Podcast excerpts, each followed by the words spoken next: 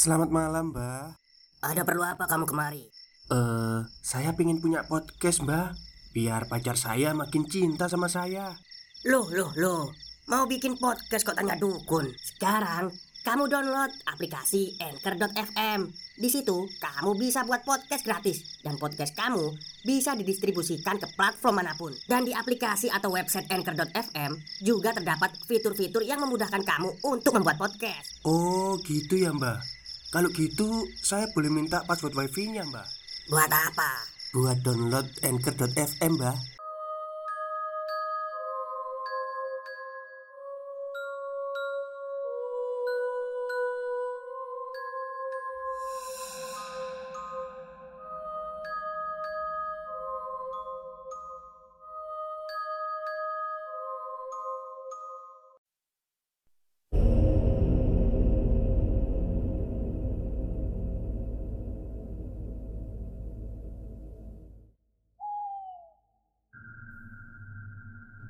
Assalamualaikum warahmatullahi wabarakatuh. Halo semuanya.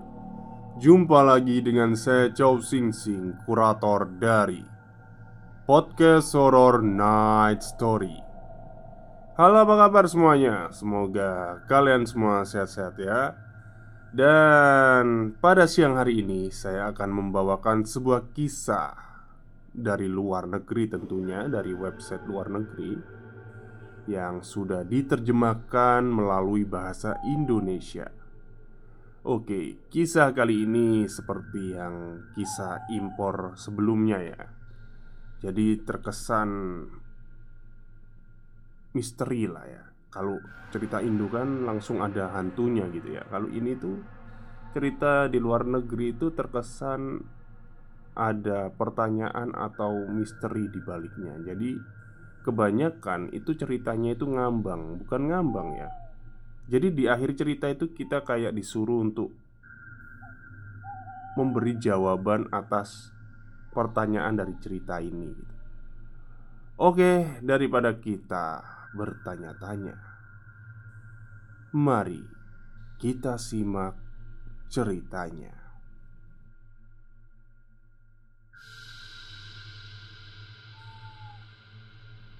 Jadi, ayahku adalah seorang pelaku kekerasan.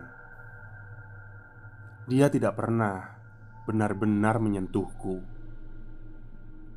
Biasanya, dia mengabaikanku dan tidak peduli padaku. Namun, dia sangat kejam terhadap ibuku. Dia tidak pernah membentak atau memukulnya di depan kami, tetapi dia akan mencelanya dalam rangkaian pelecehan verbal. Ya, meskipun dia tidak pernah memukulnya di depan kami, aku tahu kalau dia memukul ibu. Ibuku adalah wanita yang anggun Cerita-cerita tentang dia tersandung di tangga atau terpleset di lantai kamar mandi yang licin tidaklah masuk akal. Tapi kami bisa melihat memar-memar di tubuhnya, tangannya diperban, dan lain-lain. Ibu meninggalkannya saat aku berusia 14 tahun. Dan kami semua merasa lega. Aku tidak menyayangi ayahku, dan aku merasa semakin yakin kalau dalam beberapa tahun ke depan akan ada satu hari di mana dia akan membunuh ibu dan mungkin juga kami. Sungguh, dia adalah pria yang mengerikan. Terlihat lemah lembut tapi dingin dan keras. Ketika ada berita yang muncul tentang seorang ayah yang membunuh keluarganya, aku selalu membayangkan kalau ayahku bisa dengan mudah menjadi orang itu. Jadi, kami meninggalkannya, dan aku bahagia. tersisa kami bertiga: aku, ibuku, dan kakak laki-lakiku, Yosep, yang pada saat itu berusia 16 tahun. Hanya beberapa bulan lagi sebelum dia menjadi 17 tahun. Secara teknis, dia sudah cukup tua untuk meninggalkan rumah. Tetapi sama sepertiku, dia takut dengan hal yang mungkin dilakukan ayah. Jika tidak ada lelaki berusia 17 tahun yang tinggi besar dan kekar di rumah. Joy Joy adalah pemain rugby Ratusan kilo dari otot yang keras Tetapi Tidak seperti ayah Dia adalah orang yang lemah lembut, manis dan murah hati Aku rasa Kebenciannya yang menumpuk terhadap ayah adalah alasan mengapa ibu memutuskan untuk pergi. Ibu menceritakan kepadaku kalau dia bermimpi Joy lepas kendali dan memukuli ayah sampai tewas, dan dia pun berakhir di penjara. Ibu mempersiapkan semua hal sebaik mungkin. Dia mendapatkan perintah pengadilan sehingga ayah akan dilarang untuk memasuki properti atau mendekati tempat itu. Dan di hari berikutnya, dia menyiapkan truk untuk pindahan dan memboking sebuah unit tempat penyimpanan barang. Seorang wanita tanpa karir yang akan segera menjadi janda, tentu memiliki keuangan yang terbatas. Jadi kami harus memindahkan semuanya sendiri. Itu adalah hari yang panjang dan sangat melelahkan Tetapi juga merupakan hari yang indah. Kami merasa bebas. Kami tahu kalau kami telah meninggalkan pria itu Sebagian besar dari barang-barang kami berada di unit yang disewa oleh ibu dan kami tinggal di apartemen Bella, adik dari ibu. Suaminya bernama Steve. Kami tinggal di sana selama beberapa bulan.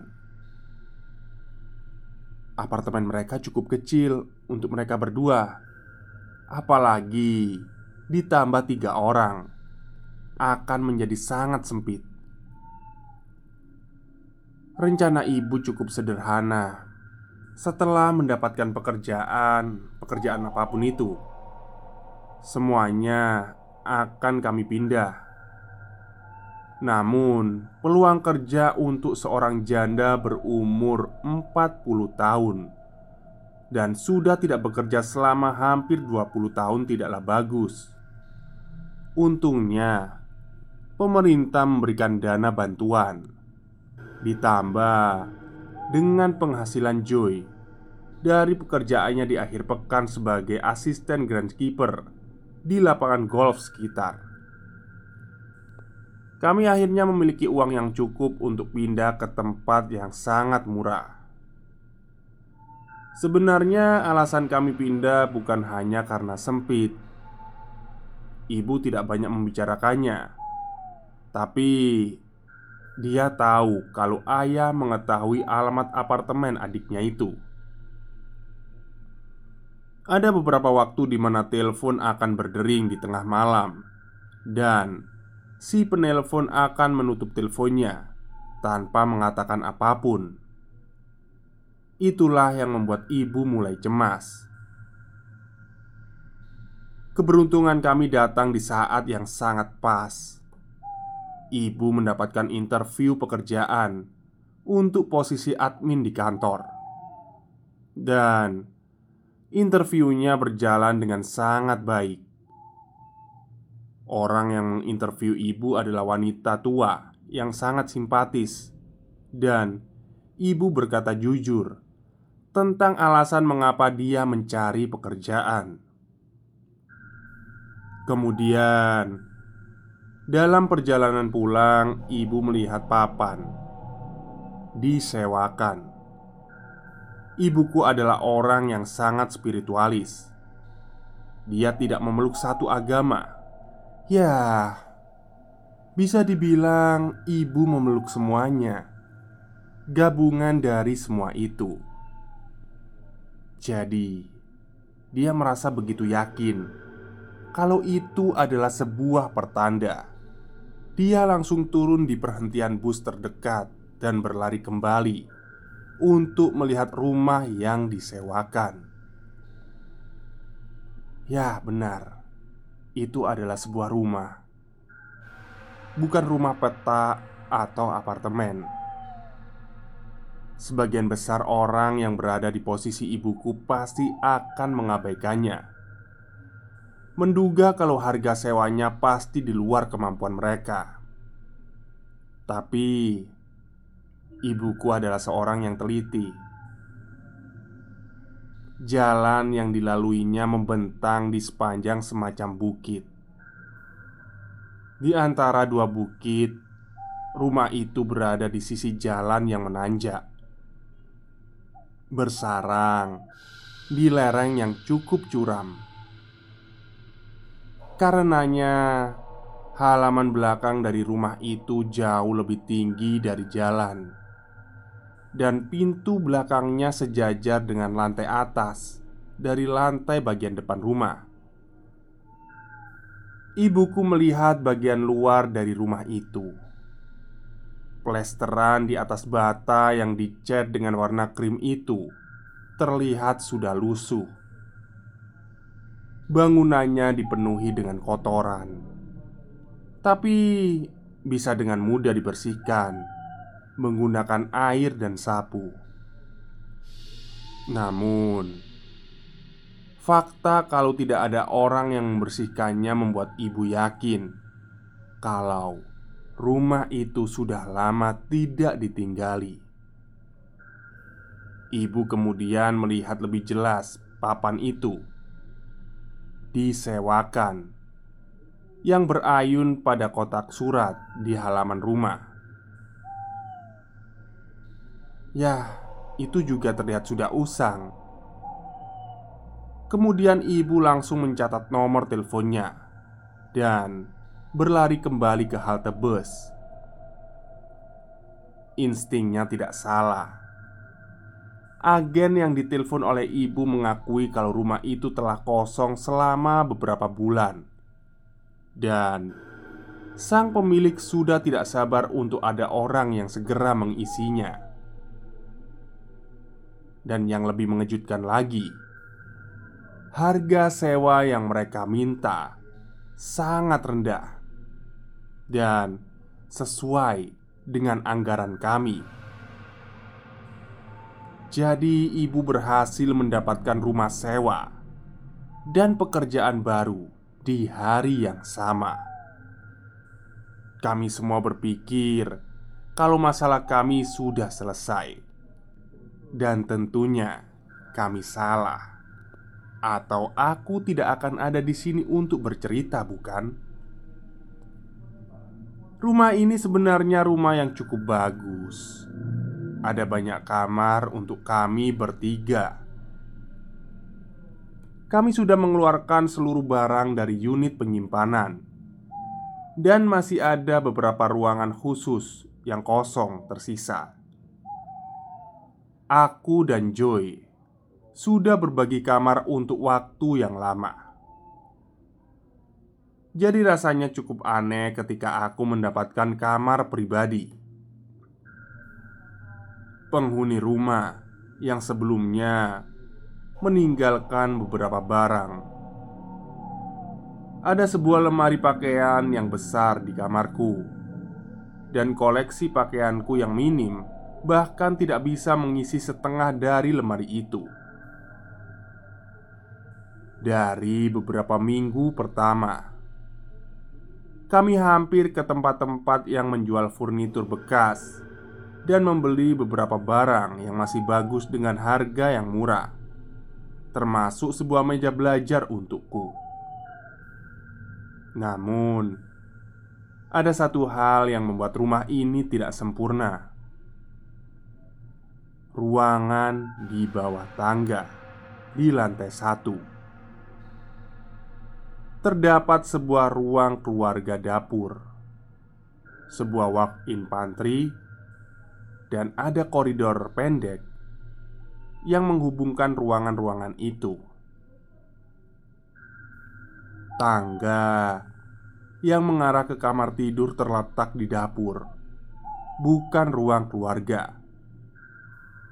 Namun, ada juga tangga pendek yang mengarah ke bawah, yang bercabang dari koridor pendek antara dapur dan ruang keluarga.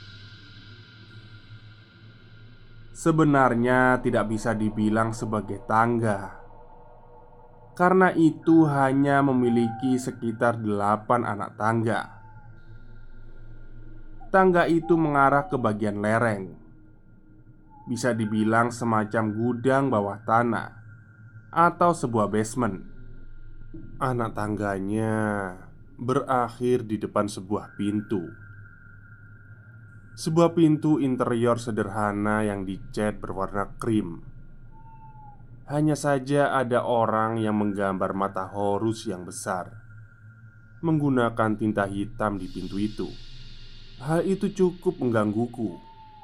Ketika kamu berjalan melewati lorong, kamu melihat mata hitam yang besar itu memandang ke arahmu.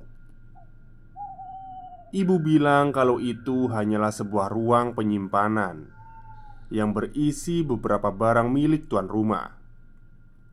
Tapi dia tidak memiliki kunci untuk ruangan itu.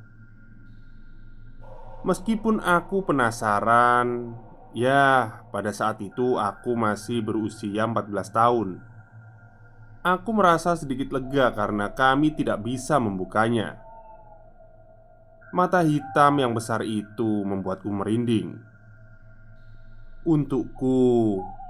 Hal yang paling aneh terjadi di suatu sore Ketika aku pulang dari sekolah. Waktu itu aku sendirian di rumah Karena aku sedang bekerja. Maaf, karena ibu sedang bekerja dan Joy berada di kampus. Aku berjalan melewati tangga itu menuju ke dapur. Aku terkejut ketika melihat pintu dari ruangan di bawah tanah itu terbuka Dan lampu di dalamnya menyala Dari atas Aku tidak bisa melihat apa yang ada di dalam ruangan itu Selain potongan karpet berwarna merah tua Jadi, aku memanggil Bertanya Apakah ada orang di bawah sana? Karena tidak mendapatkan jawaban Dengan gugup aku merangkak ke bawah Dan mengintip ke dalam ruangan itu tidak ada apa pun yang disimpan di dalam sana. Ruangan benar-benar kosong. Sebuah ruangan sempit berbentuk persegi panjang yang membentang jauh di bawah lereng bukit. Ruangan itu bukanlah gudang yang kotor dengan lantai beton seperti yang kubayangkan. Lantainya ditutupi oleh karpet mahal berwarna merah dan diterangi oleh dua pasang lampu tabung yang panjang, seperti yang biasa kamu lihat pada plafon rumah sakit atau sekolah. Namun, hal yang paling memikat adalah lukisannya.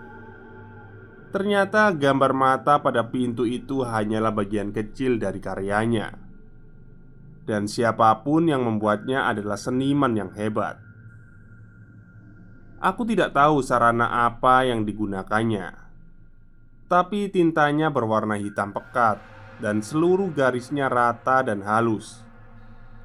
Lukisan itu terlihat seperti digambar menggunakan semacam spidol berujung lancip Seperti safir Tapi apa pun itu gambarnya begitu teliti. Tidak ada satupun garis yang bengkok Dan tidak ada koreksi yang dilakukan. Gambar itu dibuat dengan indah, namun mengganggu. Sesuai dengan mata Horus, aku bisa melihat beberapa figur lain dari mitologi Mesir, seperti Set dan Anubis, yang terletak di antara latar aneh, menggabungkan arsitektur monumental dengan suasana natural seperti hutan dan padang pasir. Terdapat juga beberapa gambar manusia telanjang dan wajah mereka sepertinya menunjukkan antara ekspresi teror atau gairah seksual. Bahkan mungkin gabungan dari keduanya. Efek dari gabungan pemandangan itu sangatlah mengganggu. Kamu mungkin berpikir kalau seorang anak berusia 14 tahun akan terangsang dengan gambaran yang begitu mendetail dari tubuh telanjang. Tapi tidak bagiku. Malah membuatku merinding Dan bulu-bulu di tubuhku langsung berdiri Tanpa mematikan lampu atau menutup pintu. Aku langsung berlari ke atas Dan berbelok ke dapur untuk menenangkan diriku Dengan sebuah snack Saat tanganku hendak menyentuh pintu kolkas Aku mendengar suara pintu dibanting dengan keras. Sekarang, dengan sangat ketakutan, aku merangkak kembali ke koridor melihat ke bawah tangga. Pintunya tertutup, dan sekali lagi mata itu memandang ke arahku. Aku berusaha untuk menenangkan diriku, mengatakan kepada diriku kalau itu hanyalah angin. Namun, aku tahu betul kalau ruangan basement itu tidak memiliki jendela ataupun ventilasi. Jadi, tidak mungkin ada angin yang bisa menutup pintu itu. Ternyata kejadian aneh dialami oleh kami semua. Namun, kami terlalu malu untuk membicarakannya. Aku rasa mungkin itu sebuah mekanisme pertahanan diri untuk orang-orang yang pernah dirasakan kekerasan dalam keluarga. Ketika sedang stres, kami menjadi lebih tertutup, menyimpan rahasia kami sendiri. Kemudian, setelah kejadian-kejadian lain terjadi, ibuku menceritakan kalau dia mendapat semacam pengunjung di malam hari. Ibuku adalah orang yang hobi membaca dia juga adalah manusia malam. Jadi sering kali dia akan membaca dan tetap terjaga menjelang subuh. Membaca apa pun yang menarik perhatiannya. Kalau tidak salah, saat itu dia sedang membaca novel-novel milik Agatha Christie. Beberapa kali dia mendengar suara-suara kecil. Sesuatu yang terdengar seperti langkah kaki pelan pada genteng di atas atap. Stop, stop, kita break sebentar. Jadi, gimana? Kalian pengen punya podcast seperti saya? Jangan pakai dukun, pakai anchor, download sekarang juga gratis. Dia menganggap mungkin itu ulah binatang. Katakan saja burung atau semacamnya. Tetapi bunyi itu semakin keras setelah beberapa minggu. Yang terburuk terjadi pada satu malam. Mungkin sekitar dua atau tiga bulan kami pindah ke rumah itu. Bunyi-bunyian dari atap itu muncul beberapa kali dalam seminggu selama lebih dari satu bulan Namun, pada saat itu, ibu masih mengabaikannya. Namun, pada suatu malam, sepertinya bunyi tersebut semakin mengganggu, seperti ingin mendapatkan perhatian dari ibu. Ibu mendengar bunyi itu berderak turun dari atap ke selokan. Kemudian, sepertinya bunyi itu berhenti.